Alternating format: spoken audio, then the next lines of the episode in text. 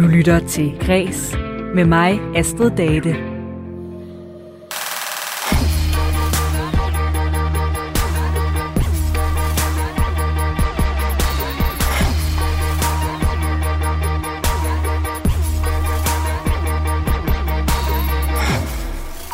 Der er så småt begyndt at åbne op for, at vi kan tage på ferie igen.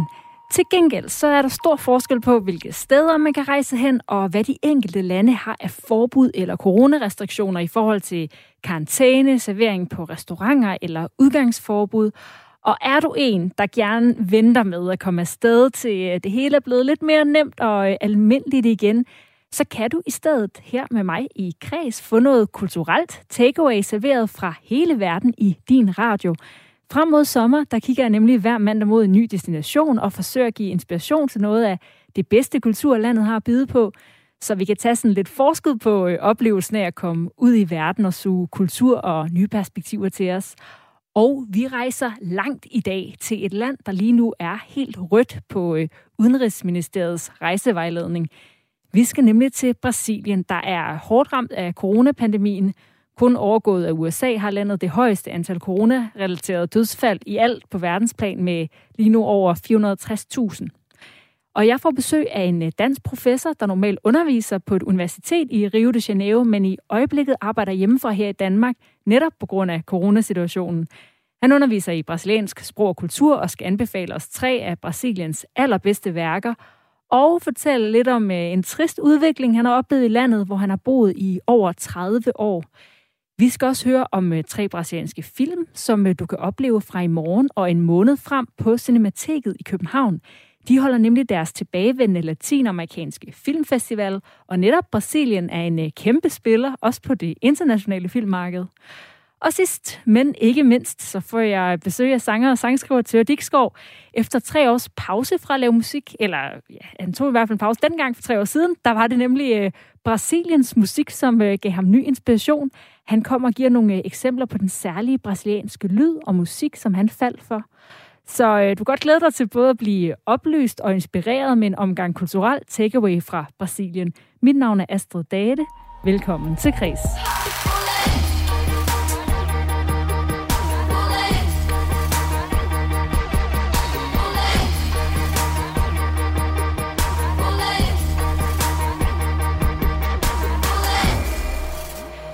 For 8. gang, der afholder Cinemateket i København en måned med øh, latinamerikansk filmfestival med oplæg og debatter og receptioner, og selvfølgelig en øh, masse film. Og øh, Rasmus Brandstrup, som er programredaktør på Cinemateket, jeg kan sige velkommen til dig her i Kreds. Tusind tak. I dag har jeg jo vendt blikket mod Brasilien og forsøger at få nogle øh, brasilianske kulturelle perler hjem i vores øh, højtaler. Og øh, du skal fortælle om tre brasilianske film, der lige nu er aktuelle på Cinemateket.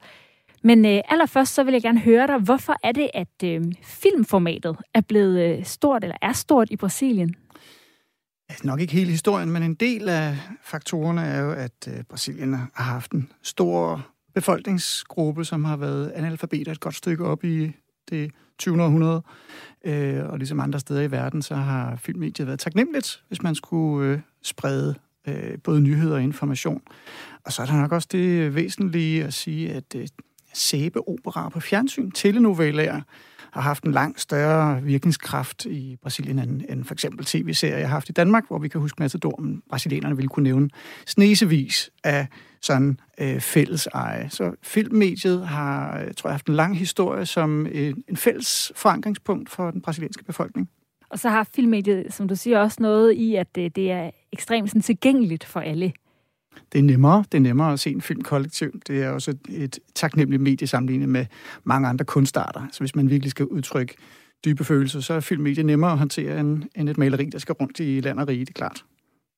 Og den første film, du har valgt, den handler om øh, filminstruktøren Hector Babenko, der øh, døde i 2016, og det er hans øh, kone, Barbara Paz, der har lavet en dokumentarfilm om ham. Og den hedder Babenko Tell Me When I Die. Os argentinos acham que eu sou brasileiro, os brasileiros acham que eu sou argentino.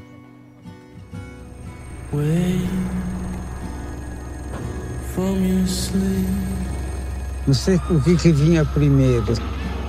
Era ser o filmar ou estar vivo. Estar filmando ou estar vivendo um dia mais?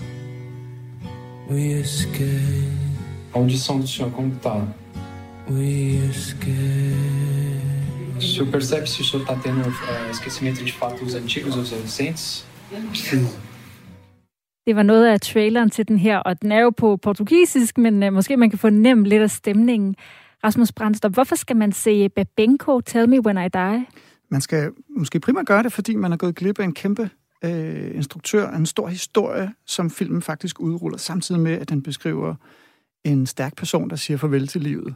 Så på den måde er det både en meget specifik historie om instruktøren, Hector Babenko og hans liv og hans værker, men det er også en universel historie, som handler om at tage afsked med ting, med mennesker, med livet, øh, føle om eller at man har sat et aftryk på jorden.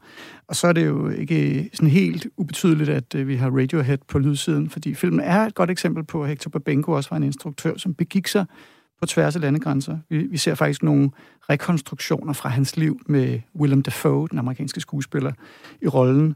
Øh, og Babenko selv, han, øh, han lavede også film i USA i sin tid. Øh, mest kendt i Danmark er nok den, der hedder Æderkoppe Kvindens Kys, som havde dansk premiere i biograferne i 80'erne. Men han har så lavet film i mange, mange år, omkring 40 år, øh, og, og til det trods for, at han faktisk fik sin dødsdom for kraft allerede, da han var 38, men blev 70, inden han døde for ganske kort tid siden. Men filmen blev så lavet, fordi at det, hans kone vidste, eller de vidste, at han skulle dø. Det er et testamente, er, det er, det er lavet af to mennesker, der ser døden i øjnene. Samtidig ser de livet i øjnene i de øjeblik, de er der. Den der styrke, der ligger både i deres umiddelbarhed, deres øh, sansninger og nogle sort-hvide billeder, som er så overjordisk smukke, at jeg kunne hænge hver af dem op på, på væggen. Det er, en, øh, det, er en, det er en meget, meget rørende film. Det er også et meget specielt værk. Det adskiller sig totalt fra, hvad jeg ellers har set. Måske med undtagelse af Jørgen Lets testamenteagtige film I Walk, som havde dansk premiere for nylig. Det er måske det nærmeste, man kommer en dansk pendant. Så hvis du skal sige, hvad du sådan særligt godt kan lide ved den, hvad er det så det? Helt ubeskriveligt flot billedsprog, og så en øh, sensibilitet, som emmer af både kærlighed til livet og øh, værdsættelse af de små ting, de små bevægelser, de små blikke, som vi alle sammen omgiver os med, og alt for sjældent øh, lægger mærke til. Og den næste film, den skal vi til at snakke om nu, som øh, du anbefaler fra Brasilien. Den hedder Burning Night. Hola so, hola forma que le dance. Hola so, hola forma que la dance. Ainda não me falaram nada, a sério não falaram nada, mas eu vou falar. Che, não tá bom. Igen her er det lidt af traileren og på portugisisk, men man fornemmer jo også en anden stemning. Hvad er, hvad er det her for en film? Det er en film om kaos, øh, skildret gennem en taxichaufførs almindelige dag i Rio de Janeiro. Øh, og hovedpersonen er en gennemsnitlig sort øh, brasilianer, som øh, hudler sig lidt igennem, har et sådan middelfungerende liv. Han har udfordringer i logistikken, i familien, alle mulige andre ting. Og det bliver spejlet på alle mulige forskellige måder i de mennesker, han får besøg af i sin taxa i løbet af døgnet. Mest af alt er filmen måske en sådan frise, en slags impressionistisk tværsnit af, hvordan storbyen Rio øh, transformerer sig for øjnene af os og i periferien af hans blik. Så det bliver sådan en film om øh, modernitet, om øh, omformning, om fart. Altså en film, hvor man, uden at det bliver fortalt, føler, hvordan storbyen kan påvirke os som individer. Og hvad er det for et indtryk, du selv får af Rio, når du ser den? Det er ikke et glansbillede. Øh, det er et meget øh, realistisk billede. Det er også et meget humanistisk billede, fordi de mennesker, som bevæger sig der, faktisk fremstår som helstøbte individer med både passion og med integritet og alt muligt intakt. Så det er ikke, det er ikke på den måde en misantropisk film, men det er en, en film, som er skeptisk over for, øh, hvordan urbanitet kan påvirke individer i forhold til at blive overvældet, tror jeg, og, øh, og måske også relevant for alle os, øh, alle os mennesker, der har valgt at bosætte, sig, bosætte os i store byer rundt omkring. Øhm, samtidig så har den jo det her øh, twist af noget eksotisk, fordi det er alligevel mere spændende for en bleg dansker som mig at se på en taxatur igennem Rio, end det er igennem Østerbro. Ja, fordi den handler om en, eller den følger en taxachauffør og alle hans øh, kunder ind og ud af, af bilen, og det han sådan oplever i sit arbejde. Det gør den, og, og det, der er mest bemærkelsesværdigt ved den, sådan rent æstetisk, er nok, at den, øh, den tillader øh, farten at komme til syne på en måde, som man ikke er så vant til. Altså det er en tilbøjelig til at kalde den lidt impressionistisk film, på den måde forstået, at man, øh, man fornemmer øh, farten i byen ved at, øh, at se i udkanten af hovedpersonens blik, hvordan øh, blinklys blæser forbi, hvordan mennesker og biler passerer. Øh, ikke så meget i, at han i tale sætter sit stress, men mere, at vi fornemmer hele den der bevægelighed, som om han næsten er i centrum af en verden, der centrifugerer for fuld knald. Den øh, sidste brasilianske film, du peger på, den, øh, ja, den vil jeg nok kalde lidt gammel, uden at fornærme nogen. Det er A Hora da Estrela, eller Hour of the Star, som udkom i øh, 1977. Og jeg har også øh, en øh, lille bid af traileren fra den gang. Você para de comer cachorro quente com Coca-Cola. Ah, eu como porque é barato. Mas o que eu gosto mesmo é de goiabada com queijo. Marca o quê? Bé. Macabea. Macabea! Hvorfor er det en øh, film i vis, og en, øh, du også har valgt at trække frem her? Øhm, det er fordi, at forfatteren bag bogen, som her er filmatiseret, er et enestående personlighed og også en betydningsfuld karakter i brasiliansk litteratur. Hun hedder Clarice Lispector, og hun øh, fyldte 100 år i december måned, eller rettere, hun ville have, hvis hun var overlevet. Hun døde af kræft ganske kort tid efter, hun havde skrevet bogen her, der hedder Stjernens Time, eller Hour of the Star. Og det er en fuldstændig fenomenal bog, der sådan, øh, efter mine begreber med rette har fået seks hjerter i øh, politikken og seks stjerner alle mulige andre steder. En bog, som skriver øh, uventede personers historie på en helt usædvanlig måde. Øh, og det er så blevet lavet en film ud af. Den er faktisk så lidt senere, fra 1985, øh, instrueret af Susanna Amoral, men, og, og vandt en, øh, en øh, skuespilpris på Berlinfestivalen det år. En film, som på nogle måder øh, afviger fra øh, bogen, fordi den ikke helt fanger det helt særlige sprog, som er det, der gør Clarice Lispectors bøger til noget enestående. Og det, der gør øh, hende til noget særligt, er måske, at hun formår at skrive utrolig klart, prunkløst, samtidig med, at hun kommer med nogle vildt overraskende øh, toneskift, nogle vildt overraskende billeder og metaforer. Jeg kan bare tage et eksempel fra bogen øh, Stjernens Time. Hun kan for eksempel skrive, var hun død, inden hun blev født? Ville hun dø, efter hun blev født? Men sikke en tynd skive vandmelon.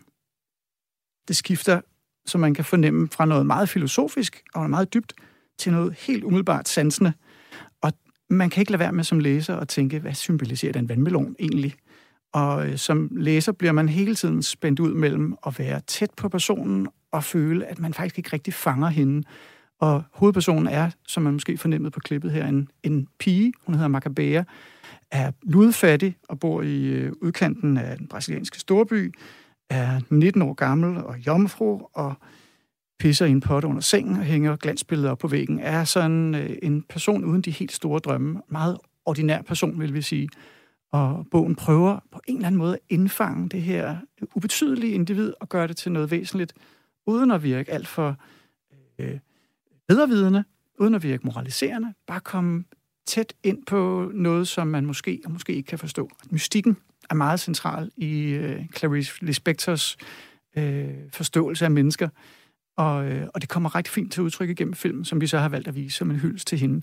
Øh, og vi har jo også et par eksperter inde, blandt andet oversætteren af Clarice Lispectors bøger i, i Cinematiket. Så oftest der er en film, der altså øh, virkelig kan noget, fordi der også er en helt øh, ekstraordinær øh, forfatter bag historien, Clarice Lispector. Præcis. Og de tre film, du nævnte, det er jo, kan man godt kalde det, nogle meget sådan kunstneriske, lidt, lidt avantgarde film, eller ældre fra Brasilien. Så jeg vil altså også lige hurtigt skyde ind her øh, i en sidebemærkning, at hvis man ikke har set deres øh, meget kendte sådan Oscar-vindende film City of God fra 2002, så kan man se den på, øh, øh, på filmstriben med sit bibliotekslogin, som også er en ret fantastisk og energisk film om øh, gadelivet i Rio de Janeiro, ligesom du snakkede om, at øh, Burning Night med taxachaufføren også har den her energi fra øh, Rio. Og øh, senere i programmet, der får jeg jo besøg af musiker Tør Dixgaard, der skal give os en indføring i brasiliansk musik. Men jeg vil lige tage lidt forskud på musikken her, fordi der er en øh, brasiliansk musiker, der har betydet noget øh, helt særligt for dig, Rasmus Brandstrup. Hvem, hvem er det? Det er en gut, som hedder Milton Nascimento, som jeg stiftede bekendtskab med, da jeg bladrede igennem min barndoms musikbiblioteks hylder, og så fandt jeg bare en mega flot øh, forside på et kassettebånd, som jeg måtte have hjem og høre. Og det viste sig senere ham her Milton Nascimento, som er en singer-songwriter, meget berømt, øh, berømt folkemusiker i øh, Brasilien. Han har sådan opnået ikonstatus, uden at jeg i virkeligheden har sanset det vildt meget. Jeg har også været på besøg i Danmark flere gange, hvor jeg har misset det. Men lyden af Milton Nascimento er bare for mig lyden af Brasilien. Jeg har aldrig selv været der, og øh, for mig så, så rammer han øh, en tone af noget vemodigt og noget meget melodiøst, og samtidig så er der sådan et, en dybde og et spektrum i hans musik, som får mig til at rejse på langfart i tankerne, hver gang jeg hører det. Og nu har jeg hørt lidt af det, og det er jo meget øh, forskelligt. Øh, noget af det, han har lavet, der, er, der bruger, han, øh, bruger han sådan nogle junglelyde øh, i sangen Achamada, som øh, jeg har bare lige et eksempel på, vi kan høre her.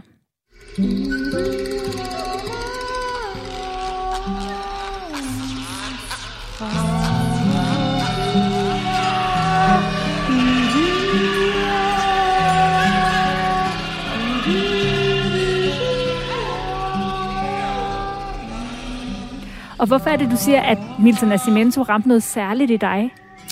Jeg ved ikke præcis, hvad det er, der gør det. Jeg tror, at øh, enkelheden i melodistemmen, som man også kan fornemme her, altså den her ikke øh, ordborgende øh, sang, som vi hører i forgrunden, er bare, øh, rammer noget øh, sådan eviggyldigt på en eller anden måde, noget poetisk, og samtidig noget, som man kan nynne med på, selvom man ikke forstår et ord af, hvad øh, han synger.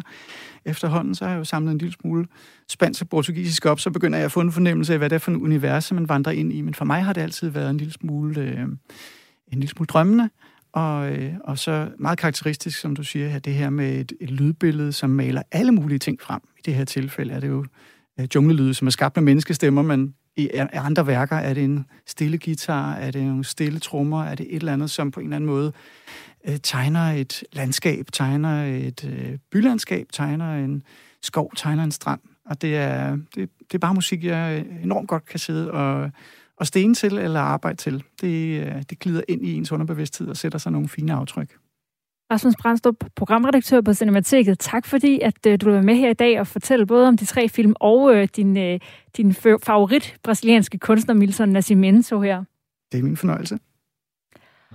Og så øh, når vi også lige lidt fra et andet eksempel. Øh, uh, jeg hedder sang her, også fra Milton Nascimento, som er et lidt mindre avantgarde nummer fra ham. Og så kan man altså se de tre brasilianske film, og i øvrigt øh, mange andre, fra i morgen i København på Cinemateket, der har Latinamerikansk Filmfestival hele juni. Quando você foi embora Fez-se noite em meu viver Forte eu sou, mas não tem jeito Hoje eu tenho que chorar. Minha casa não é minha e nem é meu este lugar. Estou só e não resisto. Muito tenho pra falar.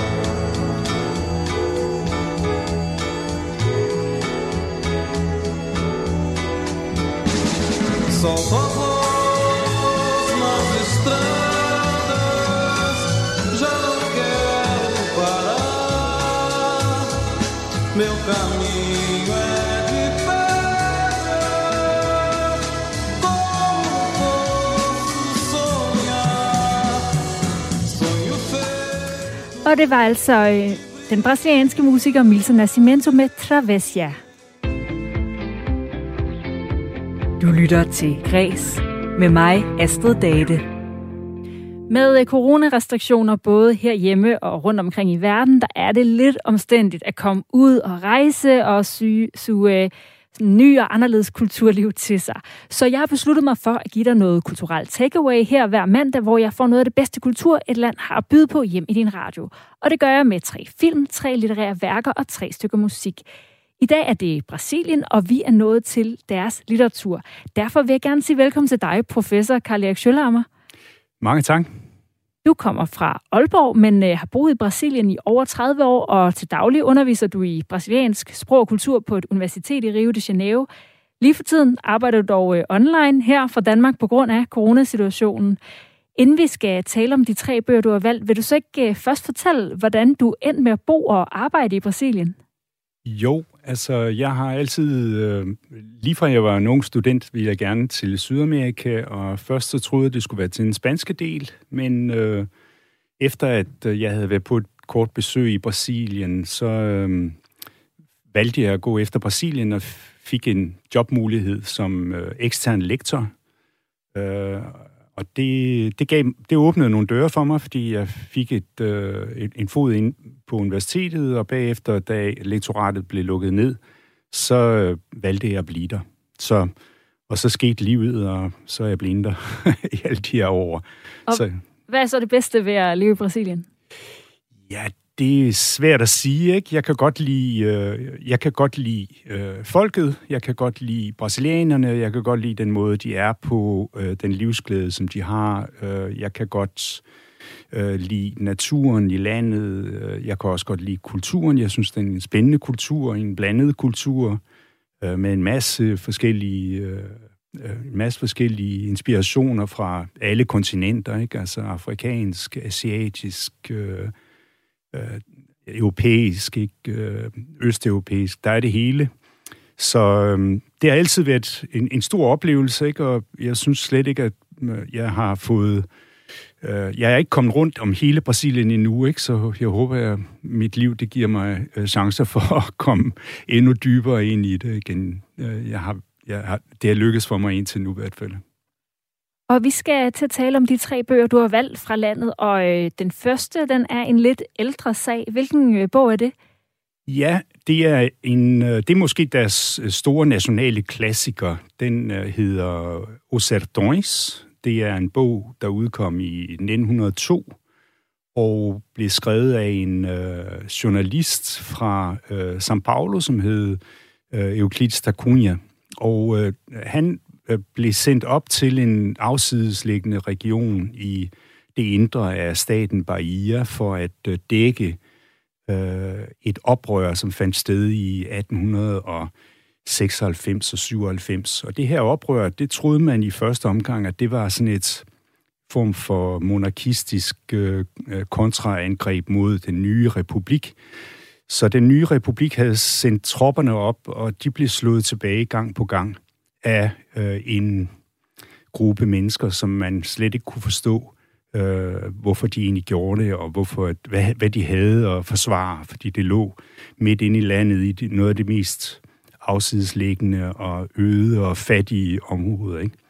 Men øh, historien var så, at til sidst, efter tre kampagner, der bliver øh, den her gruppe øh, mennesker, som, øh, som øh, boede i en by, der hed Canudus, blev øh, stort set øh, massakreret, og øh, det var en sejr for republikken, men Euclides da Cunha tog den her historie med hjem, og den historie, han ligesom trak ud af det, det blev et stort øh, romanværk, hvor at øh, han faktisk øh, beskriver øh, den styrke, som den her befolkning øh, øh, viste, og det mod og den tapperhed, ikke, som de havde stillet op. Ikke? Og, øh, altså, imod enhver forventning, ikke, så blev det en, en kæmpe succes bare, tre, øh, bare en 4-5 år senere. Ikke? Og siden da har der været en stor en, en, en stor milepæl ikke, i den brasilianske litteratur. Det er ligesom der, hvor man siger,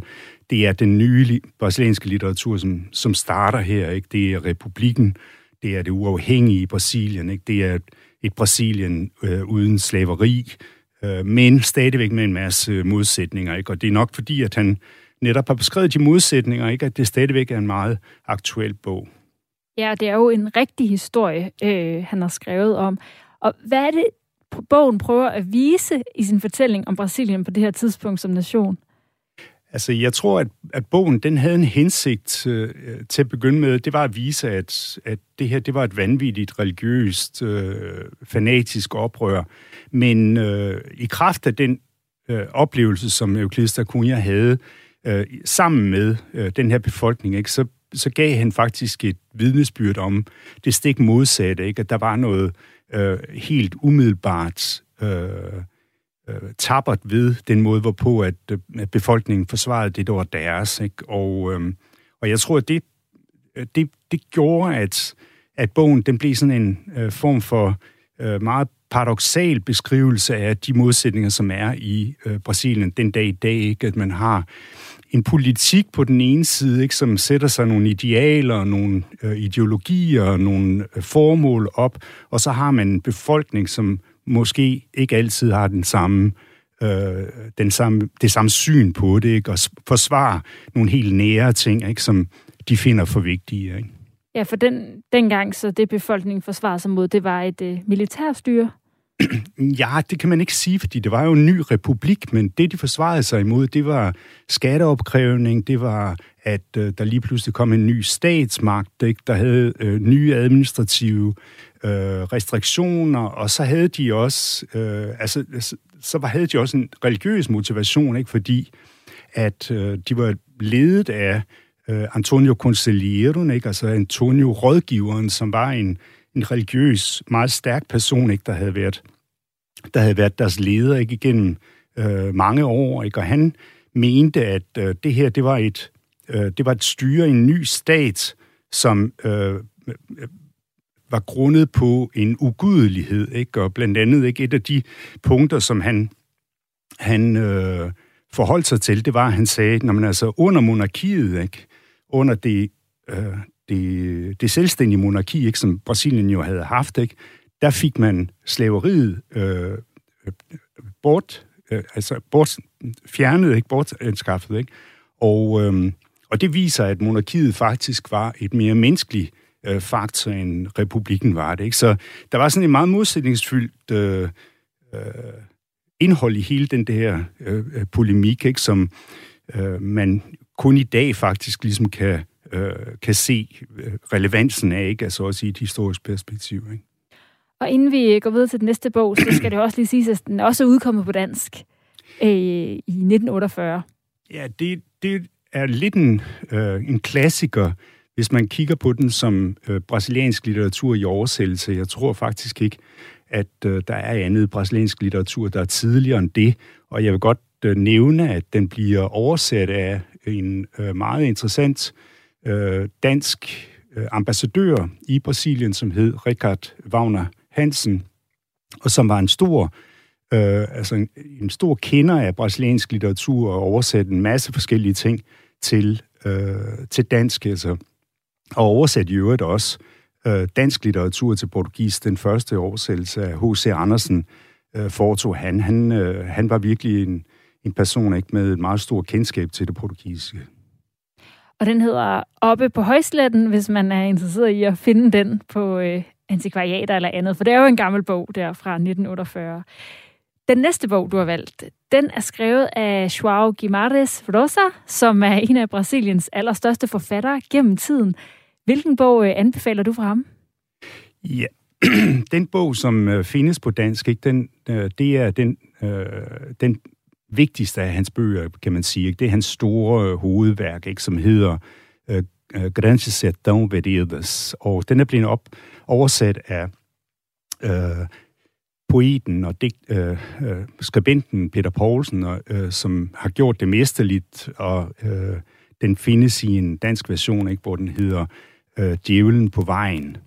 Og det er en, øh, altså det er en bog, som udkommer i øh, 56, og det er måske det modernistiske hovedværk i brasiliansk litteratur. Ikke? Og det kan man blandt andet se på den måde, hvorpå at det, øh, det er en bog, der, der øh, blander øh, den, det traditionelle landskab, ikke? som blandt andet øh, den anden bog, jeg har snakket om, ikke? altså øh, det indre af landet, ikke? som man kaldte øh, Osertão, som er, er ødelandet, ikke? altså den, den tørre, øh, det, det tørre øde landskab ind midt i landet, ikke, hvor at der ikke er noget vand, og hvor at, øh, øh dyrene øh, har meget svært ved at overleve, og der ikke er nogen rigtig øh, produktion. Ikke? Og, øh, det har altid været et, et mytisk landskab for Brasilien, ikke øh, paradoxalt nok måske ikke, fordi man altid tænker på Brasilien som øh, de, frugt, øh, altså de frugtbare øh, regnskove og sådan noget, ikke? men det er Osertão, som har været deres mytiske landskab. Ikke? Og i øh, i bogen her, Guimarães Rosa, ikke? han fortæller en historie om en øh, jagunsu.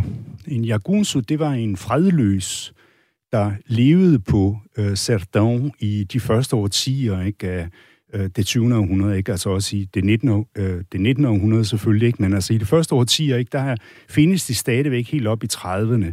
Øh, og de, øh, de var normalt, øh, det var bevæbnede øh, bønder, som var øh, som havde forladt deres, øh, deres uproduktive landbrug, og så, øh, så solgte de deres ydelser for øh, dem, der nu vil betale mest for det. Ikke? Og det meget ofte bliver de så betalt af, af forskellige øh, store land øh, ejere, og andre gange kom de ind i politiske opgaver, og andre gange der var det rent at skære øh, banditteri, ikke? Øh, som de øh, slog sig på. Ikke? Men altså, bogen her er en historie om en af de her Jagunsus, som er en ældre mand, der hedder Rio Baldo, og han fortæller øh, sin historie til en anden person. Ikke? Og så øh, er det en meget fantastisk beretning ikke, om øh, det her nærmest lidt westernagtige landskab. Ikke?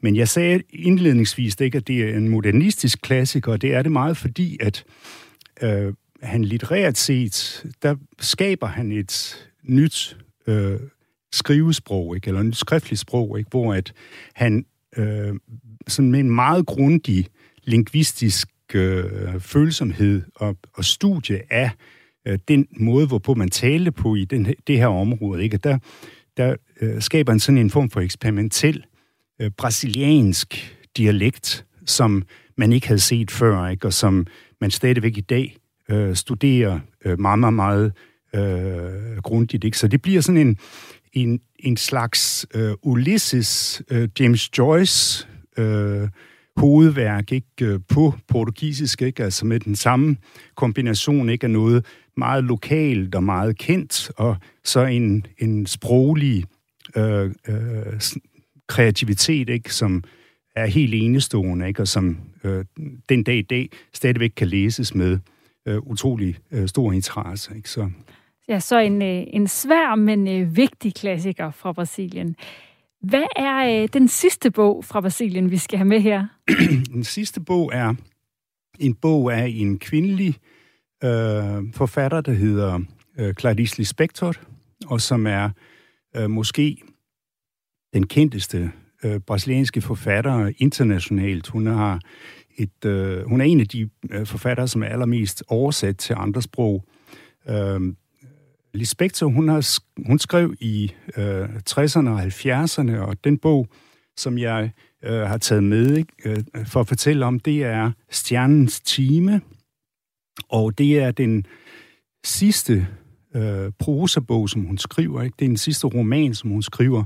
Og den handler, den kommer i 1977, og den er lige udkommet på dansk øh, i en mesterlig oversættelse af øh, øh, Tine Lykke Prado, og øh, jeg vil sige, at det er noget, der er meget læseværdigt, ikke, hvis man øh, mangler en, en gaveidé lige i øjeblikket. Ikke? Den handler om en, øh, en pige, der er vokset op på, eller født på Sertão, altså inde i det her øde land, men som øh, det skete med en meget stor del af den befolkning fra det her område, øh, var en af de migranter, der kom ind til de store byer i 60'erne og 70'erne, i, øh, altså for at søge efter øh, arbejdsmuligheder ikke, og overlevelsesmuligheder. Ikke? Og meget ofte ikke, for simpelthen at overleve, ikke? fordi at øh, livsvilkårene deroppe var meget øh, fattige. Ikke? Og Macabea, hun er øh, hovedpersonen, så hun er en ung pige i Rio de Janeiro, og øh, hun forsøger at overleve i den her mærkelige kultur, som er øh, storbyens kultur, ikke? og det øh, giver hende meget store problemer, ikke? og øh, den, den ender heller ikke øh, entydigt øh, godt, må man sige. Ikke? Øh, men det er en fantastisk bog, og øh, jeg synes, at det er måske øh, en af de øh, samtidslitteraturens øh, helt klare hovedværker, ikke? fordi den både beskriver øh, en litteratur, ikke en regionslitteratur, en regionalisme øh, frasat dog, ikke? som øh, nu vender sig til at blive en storbylitteratur, ikke? Altså, og det er ligesom det, der, den brasilianske litteratur har været siden 70'erne, så til i dag, der er det været en, en dominerende storbylitteratur, ikke? Og reflekterer jo selvfølgelig, at Brasilien også er blevet en bykultur, ikke? Altså, Brasiliens befolkning bor i byer i dag, øh, i modsætning til, hvad de gjorde i 50'erne, ikke? Og her til sidst, hvorfor skal man som dansker læse bøger som de her fra Brasilien? Jamen, jeg synes, at man skal øh, læse bøger øh, fra et land, fordi at øh, det er øh, en virkelig god øh, bagdør til at øh, kende landets kultur, kende landets tankegang, kende land, landets problematikker øh, på en helt mere øh, intim måde. Ikke? Og jeg synes, at alle de her tre bøger, som jeg har nævnt, det kan jeg kunne nævne mange andre i det der perspektiv, ikke? Øh, det er bøger, som kan fortælle noget om Brasilien, som øh, der er ikke nogen som helst form for faglitteratur, som vil kunne øh, gøre øh, øh, så, så rigt ikke? og så, øh, så sanseligt. Ikke? Så jeg vil sige, at øh, litteraturen for mig, ligesom musikken og øh, andre kulturformer, selvfølgelig dansen, øh, vil man måske sige, ikke musik og dans i, i Brasilien har altid været de mest Øh, de mest kendte øh, udtryksformer, kunstneriske udtryksformer, men der er en stærk litteratur, ikke? og den øh, litteratur, den sætter ord på øh, nogle af de problematikker, som, øh, som landet de øh, bokser med den dag i dag, ikke? og jeg synes, at øh, det er en, et, et privilegium at kunne øh, gøre, øh, altså kom, få adgang til det, selvom man ikke kan portugisisk, ikke? og jeg synes, at, at vi er ved at komme meget godt med i Danmark øh, med oversættelser af øh, de vigtigste af værkerne. Tusind tak, øh, professor Karl Erik Schølhammer, fordi du var med her i Kreds og fortalte om øh, de her bøger. Jamen, det er mig, der takker, og, det, og tak for muligheden for at fortælle en lille smule om det, jeg går og laver. Og alle de tre bøger, som øh, Karl Erik Schølhammer anbefalede oppe på højsletten af Euclides da Cunha, Djævlen på vejen af Chao Gomeres Rosa og Stjernes time af Clarice Lispector, de findes altså, som man kan høre, også som danske oversættelser. Du lytter til Græs med mig, Astrid Date. Og jeg er i gang med en uh, særudsendelse med kulturel takeaway fra Brasilien, nu hvor uh, coronapandemien gør det lidt svært for os at tage ud og opsøge den selv. Og vi har fået anbefalet tre brasilianske film, tre bøger af brasilianske forfattere, og nu skal vi som det sidste kaste os over den brasilianske musik. Og til at hjælpe mig med det, der har jeg fået en gæst, som du måske kender fra det her hit. For du er min prinsesse med fedt Og du vil ind og ud af aftaler Men hvor vil du? Jeg vil ikke se dig danse som de andre piger Bevæg dig for mig Bevæg dig for mig Bevæg Jeg vil ikke se dig danse som de andre piger Bevæg dig for mig det er fra 2014, øh, former af Tør Dixgaard. Jeg er stadigvæk ikke træt af det, men øh, velkommen til, Tør Dixgaard. Mange tak skal du have. Og du skal jo give os uh, tre eksempler på musik fra Brasilien, og inden vi tager dem, vil du så ikke lige fortælle, hvorfor at uh, du har fået et uh, særligt forhold til brasiliansk musik? Jamen altså, øhm, jo, det vil jeg gerne. Jeg, jeg tror, den korte version er, at øh, jeg stod på et tidspunkt øh, og havde udgivet min første EP, som også øh, indeholder det nummer, Former, som vi lige hørte. Øh, og jeg var sådan et sted, hvor at jeg, jeg synes, jeg manglede nogle inputs, og jeg synes, jeg, jeg, jeg, jeg søgte efter inspiration, og så øhm, lige pludselig så hører jeg så øh, et nummer med den her kunstner, der hedder Orlandivo, øh, som der øh, fuldstændig sådan øh, tager mig med, med storm. Det er den her sådan øh, musikalske glæde og den her sådan, øh, sådan inderlige stemning og, og sådan vibe, der er i musikken. Øh, der, der opdagede jeg sådan den brasilianske musik, specielt den fra 70'erne, som, som jeg synes er sådan... Jeg følte bare, at jeg opdagede, hvad jeg synes, der er fedt ved musik. Øh, og, og hvad jeg sådan... Jeg følte bare, nå, det er det der, som jeg godt kan lide. sådan. Ja, fordi du, ja, du tog ligesom en pause fra udkomme med, med ny musik for tre år siden, og så, øh, og så blev det altså det her øh, brasilianske, der ligesom øh, fik dig til at genfinde inspirationen til at lave øh, musik igen. Ja, jamen det kan man sige, fordi at jeg, jeg ligesom tænkte, hvad, hvad, kan, hvad, er sådan, hvad er det, jeg godt kan lide ved, det, ved, ved at lave musik, og hvad er det? Og min egen musik har været inspireret af den brasilianske musik, før jeg overhovedet vidste, at den var det. Øh, fordi det er jo ligesom de her små tråde, man kan mærke i, i gennem musikhistorien, hvor at, at øh, bossa novaen, som er den her, mange forbinder det med sådan noget elevatormusik, øh, og noget sådan meget sådan pausemusik, men i virkeligheden, så er det noget meget, kom, altså, hvis man kommer under huden på det, og, og ned i, i den brasilianske kultur, så finder man ud af, at, øh, at der er meget at finde. Altså, det er et kæmpe, kæmpe, øh, en kæmpe, kæmpe kulturarv, der er i Brasilien, og nu har jeg rejst rundt dernede to gange og været i studiet med brasilianske mus- musikere, også fra 70'erne, øh, og, og, og ligesom dykket mere og mere ned i deres, øh, deres øh, musikalitet og studeret den, og, og jeg bliver bare mere og mere vild med det. Øh.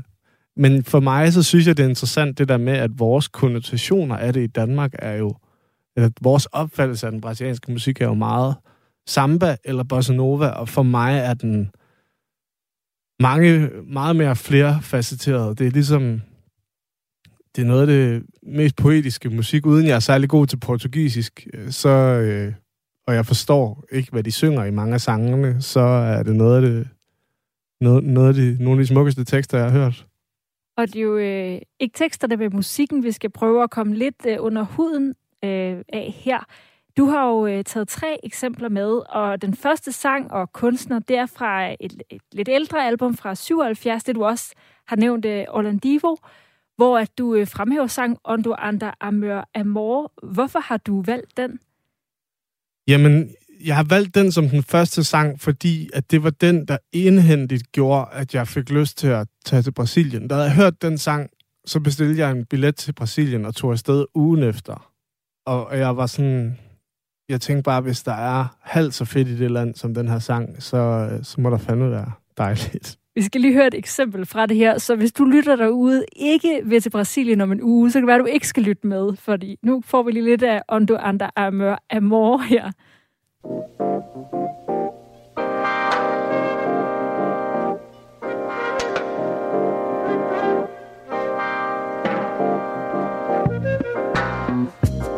her.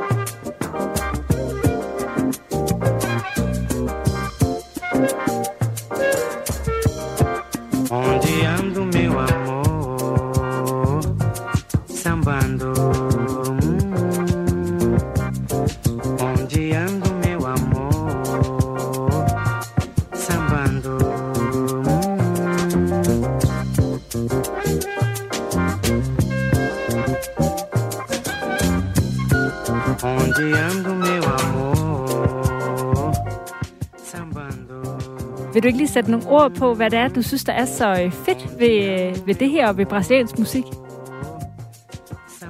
Det, som der er så fantastisk ved det her nummer, det er, at det er det er den eklektiske stemning, der er i nummeret. Jeg synes ikke, jeg synes ikke, der er nogen... Det er ikke en glad stemning, men det er heller ikke en trist stemning. Det er en stemning af det, som brasilianerne har et ord for, øh, som hedder saudade, og det, er, det betyder at være lykkelig trist. Fordi man er lykkelig for det øjeblik, der har været. Man er lykkelig over at have gode minder, øh, men trist over, at de forsvinder, og forgængeligheden af minderne. Og det er et ord, som bliver brugt i flæng i Brasilien. Der siger man, øh, this give me saudade. Det er ligesom, at vi siger hygge, øh, og det ligesom er vores trademark i Danmark, så er Saudade øh, Brasiliens, øh, hvad skal man sige, særegne stemningsord, som er meget svært at overføre øh, til, til andre sprog, men som jeg synes er et, et ord, jeg gerne vil gøre noget benarbejde for, bliver optaget i det danske, det, også, i det danske sprog. Og som har noget med sådan en sådan vemodig lykke at gøre. Ja, altså det betyder at være øh, lykkelig for, hvad der har været.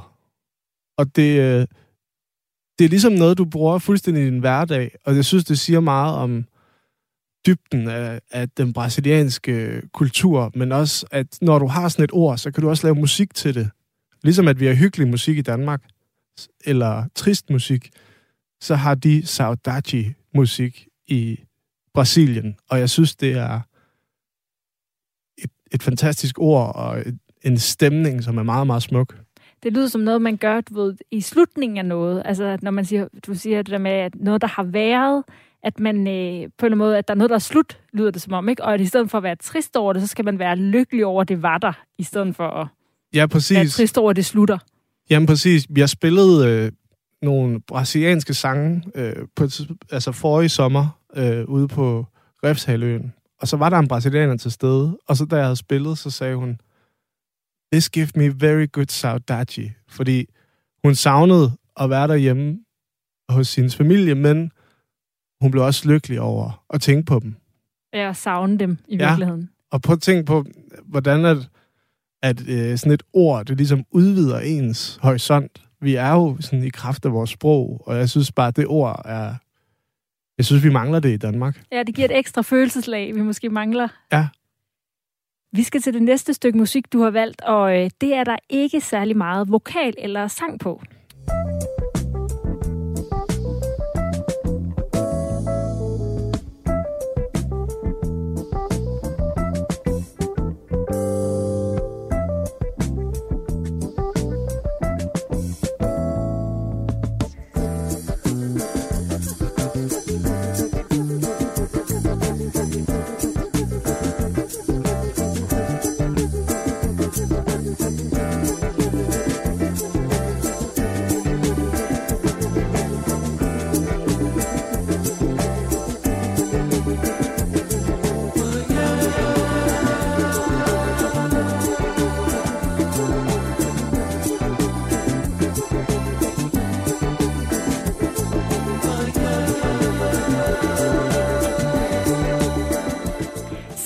Hedder Manja og er en af den brasilianske sådan, jazz-funk-trio Azimut øh, numre.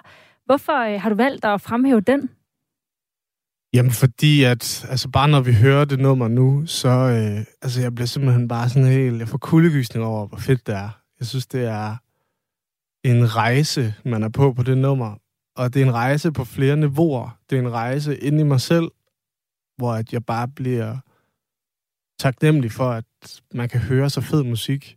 Men så er det også en rejse i noget kulturelt i Brasilien, hvor at det her, det er sådan indbegrebet af, når at, at Brasilien fusionerer alt, øh, alt det fedeste, de har lært, synes jeg. Altså det er, øh, hvis man skal sådan hurtigt prøve at forstå lidt, hvordan øh, vestlig og amerikansk musik influerede Brasilien, så var Brasilien meget inspireret af italiensk musik fra 50'erne. Og så var de meget, øh, når der var koncerter fra amerikanske bands i, i øh, Brasilien, så var der enestående koncerter, som for eksempel med James Brown, der spillede der i slutningen af 60'erne. Så når der var sådan en koncert, så spillede James Brown en koncert, og så var der en 600.000 mennesker til den her koncert. Og den kunne den koncert kunne så enhændigt ændre kulturen for, for musik i Brasilien. Så man snakker om før og efter James Brown, før og efter Earth, Wind and Fire, fordi det havde bare en indflydelse på, hvordan de brasilianske musikere begyndte at tænke.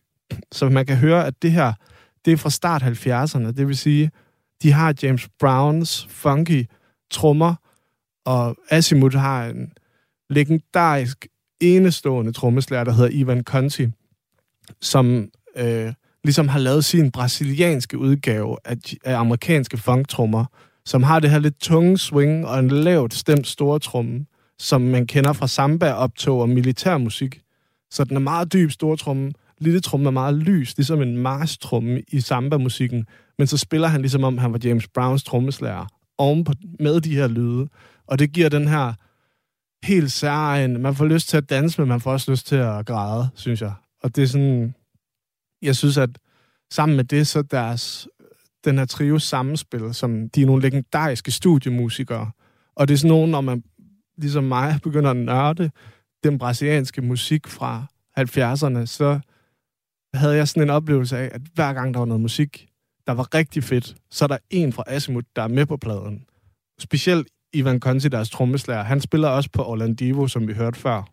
Og han, han har bare, altså sådan, han har det vildeste trommespil. Altså, han fortæller en historie på hans trommer. Jeg kan ikke, jeg kan ikke forklare det, man er nødt til sådan at, man er bare nødt til at sætte det på, og så danse og græde. Altså. Så 70'erne var ligesom begyndelsen på den her nye øh, følelse, øh, som du i hvert fald får af, af musikken i øh, Brasilien. Er det stadigvæk sådan den genre af sådan jazz og latin og funk, der sådan er udbredt i dag?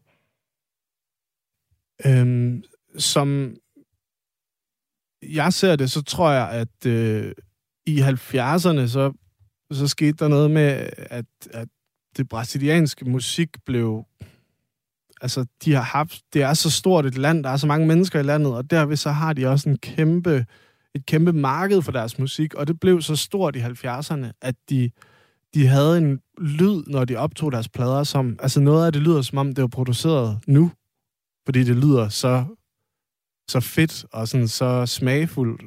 Så de har haft, de har ligesom haft et, en konkurrence i landet, og så rig en musikkultur, at, at, øh, at det har været, øh, at der, der har været en, en konkurrence og, en, og nogle visionære mennesker, som der har kunne få noget, øh, noget ordentlig løn for ligesom at lave nogle kanonfede plader, øh, hvor de var meget foran resten af verden. Altså det mindede i virkeligheden om USA, hvor at, øh, som også havde en lignende underholdningsindustri i 70'erne.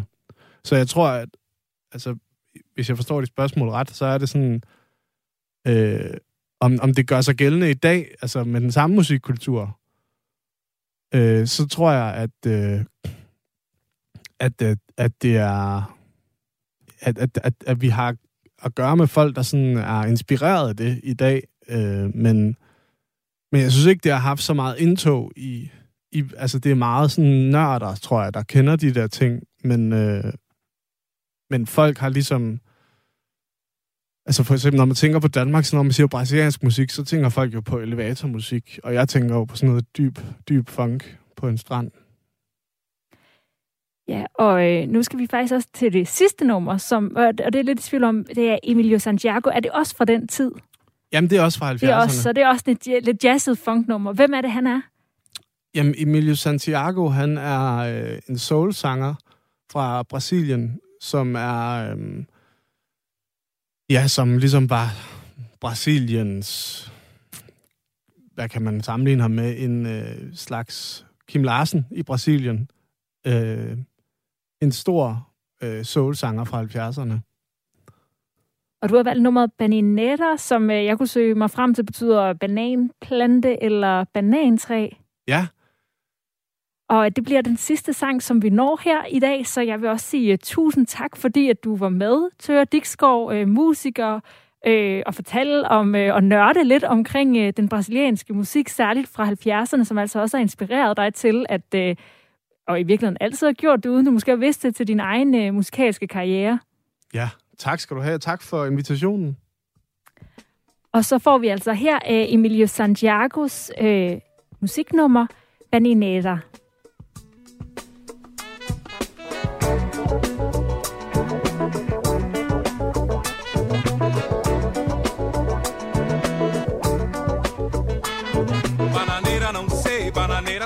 A bananeira sei não, a maneira de ver. Bananeira não sei, bananeira sei lá, a bananeira sei não, isso é lá com você. Bananeira não sei, bananeira sei lá, a bananeira sei não, a maneira de ver. Bananeira não sei, bananeira sei lá, a bananeira sei não, isso é lá com você. Será no fundo do quintal, quintal do seu olhar, olhar do coração.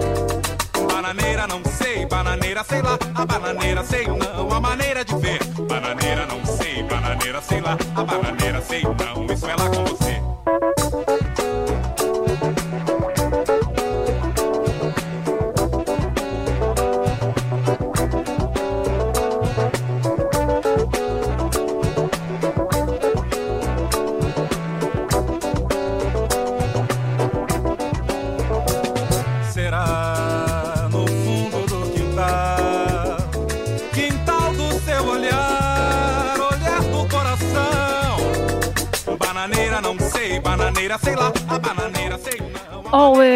har lyttet til øh, Kreds på Radio 4 til denne særudsendelse med kulturelle værker fra Brasilien, som du kan kaste over herhjemme, og på den måde få lidt af den stemning af at være ude og få øh, nye indtryk og perspektiver, som øh, vi samler fra vores rejser ude i verden. Hvis du vil høre eller genhøre hele udsendelsen, så ligger den som podcast lige om ikke så længe, og ellers så vender jeg tilbage igen i morgen. Jeg hedder Astrid Date, og tusind tak, fordi du lyttede med.